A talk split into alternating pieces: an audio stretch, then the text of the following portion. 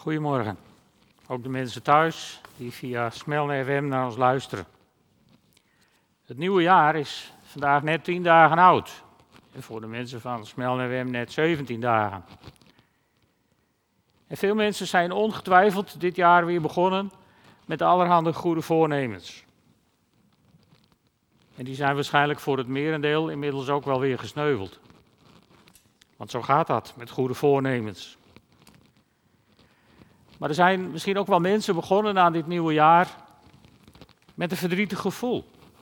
Omdat je dit nieuwe jaar verder moet zonder iemand die je heel dierbaar was, of zonder je werk, of zonder iets anders wat belangrijk was in je leven. En er zijn ook mensen die met angst en beven aan dit nieuwe jaar zijn begonnen. Zo van, wat gaat dit brengen? Hoe zou het gaan met de pandemie? Hoe komt het met dit of dat? Vul dat voor jezelf maar in. En er zijn ook mensen vol goede moed aan dit jaar begonnen. Zo van, uh, we hebben een vaccin en binnenkort is het weer business as usual. Maar dat moet eerst nog maar een keer. En of je nu positief of negatief of verdrietig aan dit nieuwe jaar bent begonnen, wat ik opnoemde zijn allemaal menselijke motivaties. En vanochtend wil ik een alternatief onder jullie aandacht brengen. En dat zou kunnen zijn het besluit om de volgende week mee te gaan doen aan de week van gebed. Die op 17 eh, januari volgens mij begint. Dat kan digitaal, je hoeft de deur er niet eens vooruit. Dus hoe makkelijk kunnen we het maken? Een ander goed voornemen zou kunnen zijn om Jezus Christus te volgen, ongeacht de omstandigheden. En de aanleiding voor mijn preek van vanochtend is de lozing voor vandaag. Misschien denk je, de lozing, waar heeft hij het nu weer over? Ik wil iets met jullie delen naar aanleiding van deze hele oude gewoonte.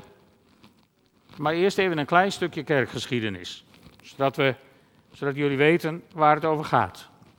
In 1722 bouwde graaf Nicolaus von Zinzendorf voor enkele vervolgde Moravische broeders. Moravië is een streek in, in Tsjechoslowakije of in Tsjechië volgens mij. Voor een aantal van die broeders bouwde hij op zijn landgoed Bertelsdorf in Saxen de kolonie Herrenhoed. En zijn landgoed dat ligt een beetje helemaal onder in Duitsland, vlak boven de Beierse grens tegen Tsjechië aan, zeg maar daar. En uh, die Moravische broeders, dat waren oorspronkelijk volgelingen van Johannes Hus. Johannes Hus was een van de eerste uh, kerkhervormers, zeg maar, die in ieder geval een poging deed in die richting. En in uh, 1415 werd hij daarvoor op de brandstapel gezet. Hij sprak daar de legendarische woorden: Vandaag braren jullie een gans, maar na mij zal een zwaan opstaan. En precies 100 jaar later spijkerde Luther zijn stellingen aan de kerkdeur in Wittenberg. En omdat de geloofsbeleidenis van deze volgelingen van Johannes Hus niet strookte met de Lutherse of de katholieke of de andere door de overheid goedgekeurde geloofsbeleidenis, werden deze mensen vervolgd, genegeerd, uitgesloten. En graaf von Zinzendorf stelde dus op zijn landgoed grond ter beschikking, zodat ze daar een kolonie konden vestigen. En hij stelde deze beweging onder des Herrenhoed, vandaar Herrenhoed. En wij kennen deze beweging als de Herrenhutters, of in Nederland als de Evangelische Broederschap, die een vestiging heeft in Zeist. Dus weten jullie even waar het vandaan komt. En in 1728, op 3 mei, gaf de graaf aan de gemeente een kort woord mee voor de volgende dag. Een Bijbeltekst uit het Oude Testament en een Bijbeltekst uit het Nieuwe Testament.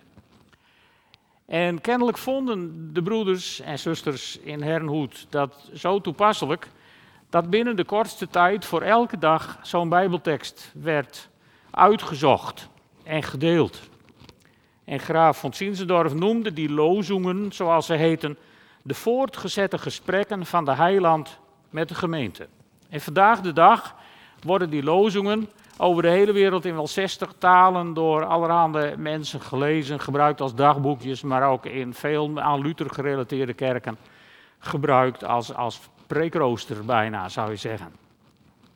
En vandaag wil ik me even voegen in die oude gewoonte. De jaartekst voor 2021 door de Herrenhutters is uitgezocht, staat in Lucas 6, vers 36. En daar staan deze woorden: Wees barmhartig, zoals jullie vader barmhartig is. Wie het nieuws de afgelopen weken heeft gevolgd, ja, die zal moeten zeggen: dit is, het is actueler dan ooit. En deze tekst is een paar jaar geleden al vastgesteld voor dit jaar, dus met een vooruitziende blik. En, en, en, toen ik het zag, dacht ik, wat past dit mooi bij een gemeente die de pretentie heeft om een huis van genade te willen zijn. Wat mooi als hij zegt, ik wil een gemeente worden waar jong en oud God en elkaar kan ontmoeten, waarin liefde en openheid een veilig thuis creëren, wat leidt tot groei en bloei in geloof, in verbinding en in eenheid. Ja, dan is het recept, wees barmhartig zoals je hemelse vader barmhartig is. Een prachtige tekst die uh, toevallig op dit jaar van toepassing is. En uh, de maandtekst voor de maand januari, die staat in Psalm 4, vers 6. En daar staat velen zeggen, wie maakt ons gelukkig? Heer, laat het licht van uw gelaat over ons schijnen. En ik verbind even het volgende vers uit Psalm 4 eraan. Daar staat: In u vindt mijn hart meer vreugde dan zij in hun koren en wijn. En daarmee wordt in in dat vers eigenlijk de vraag beantwoord. Wie maakt ons gelukkig? Misschien kijk je daarvoor naar Hugo de Jonge of naar Mark Rutte. Veel mensen kijken daarvoor naar Donald Trump. En er zijn nog tientallen andere mensen op te noemen op wie je je hoop zou kunnen vestigen. Wie maakt ons gelukkig? Nou, ik kan je één ding verzekeren: geen van allen. Maar er is wel een alternatief. En dat is Jezus Christus. Zoek je heil bij Hem. En de vreugde die je vindt bij God is van een hele andere orde dan de vreugde die je bezorgd wordt uit de wereld. Die gebaseerd is op aardse successen, op eten en drinken, op bezit, op whatever. We weten zo langzamerhand door de afgelopen maanden hoe snel dat tot niets kan verworden. En, en dat brengt me dan bij de dagteksten voor vandaag, 10 januari 2021. De tekst uit het Oude Testament staat in Psalm 119, vers 37. En daar staat: Houd mijn ogen af van wat leeg is. Laat mij uw wegen gaan en leven. En de tekst die daar aan verbonden is uit het Nieuwe Testament, die heeft Wilma voorgelezen in de opening uit Colossensen 2, vers 6 en 7. Volg de weg van Jezus Christus, nu u Hem als uw Heer aanvaard hebt. Blijf in Hem geworteld en gegrondvest. Houd vast aan het geloof dat u geleerd is en wees vervuld van dankbaarheid. En ik wil heel even je aandacht vestigen op het vers wat daarna komt, vers 8.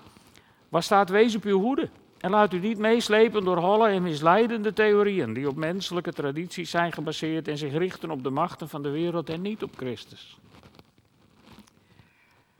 Nou, over dat laatste ga ik niet veel meer zeggen, daar hebben we genoeg van gezien in het journaal de afgelopen dagen. Maar die versen daarvoor, zo belangrijk.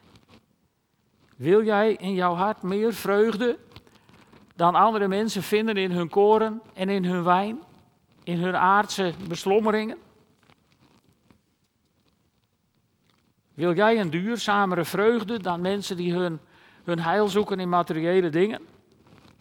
Richt je dan echt op Jezus. Jezus die zei in Matthäus 6, vers 31, vraag je niet bezorgd af wat zullen we eten of wat zullen we drinken of waarmee zullen we ons kleden. En misschien had hij daar vandaag wel aan toegevoegd, vraag je niet bezorgd af wanneer kunnen we weer naar de kroeg of mogen we volgend jaar weer vuurwerk? Er zijn belangrijkere dingen in het leven dan dat. En daarmee kom je terug bij die tekst: houd je ogen af van wat leeg is. En volg de weg van Jezus Christus nu je Hem als je Heer aanvaard hebt. En als u dat nog niet gedaan hebt, ja, dan is dit misschien wel het beste wat je kunt doen, meteen aan het begin van een nieuw jaar. Maar ook elke week aan het begin van een nieuwe week en ook elke dag aan het begin van een nieuwe dag, zoals Jolien ook al opmerkte. Besluit om Jezus te volgen. Vandaag, de komende week, deze maand, dit jaar, de rest van je leven, als ik je advies mag geven. Het beste, de beste keuze die je ooit kunt maken. Dus ik zou zeggen, geef hem een kans, want hij is de enige die je echt gelukkig kan maken. En dan zul je ook ontdekken dat hij je hart meer vreugde geeft dan al het andere wat je maar kunt bedenken. Dan zul je ook merken dat dankbaar zijn geen onmogelijke opgave is, maar dat dat iets wordt wat vanuit je binnenste gewoon bijna automatisch ontstaat. Als een soort onweerstaanbare reactie op de goedheid van God. Want dan ben je namelijk deel geworden van Gods complot. En dan maken die holle en misleidende theorieën, waar Paulus het 2000 jaar geleden al over had, die op menselijke tradities of op angsten zijn gebaseerd, dan maken die geen schijn van kans meer. Dus ik roep je op, volg Jezus Christus.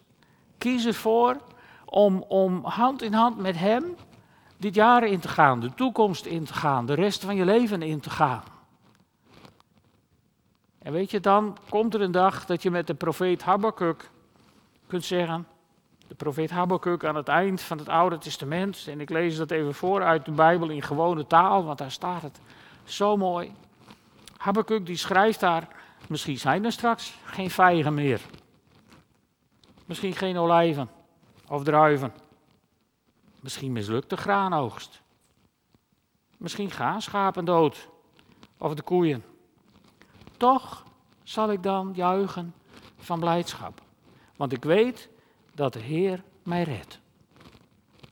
Je zou daar vandaag de dag zomaar een heel eigen gebed van kunnen maken.